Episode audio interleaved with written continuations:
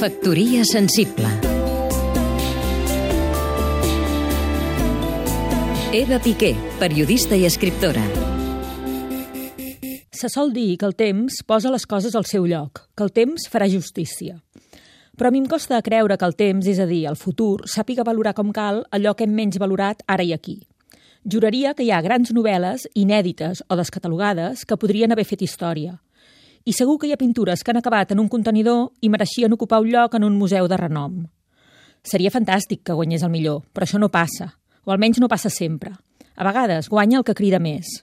La meritocràcia sovint té les de perdre davant del nepotisme, de l'amiguisme o de la dictadura pura i dura.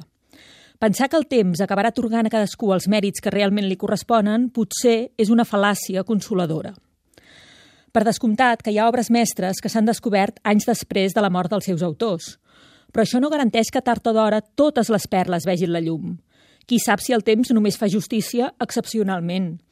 Sembla poc probable que un llibre que avui passa desapercebut sigui recuperat i col·locat dins el cànon literari d'aquí a vés a saber quantes dècades.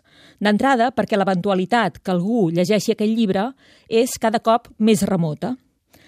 Vaja, que molt em temo que el temps pot ser tan injust com un jutge corrupte. Factoria sensible Seguim-nos també a catradio.cat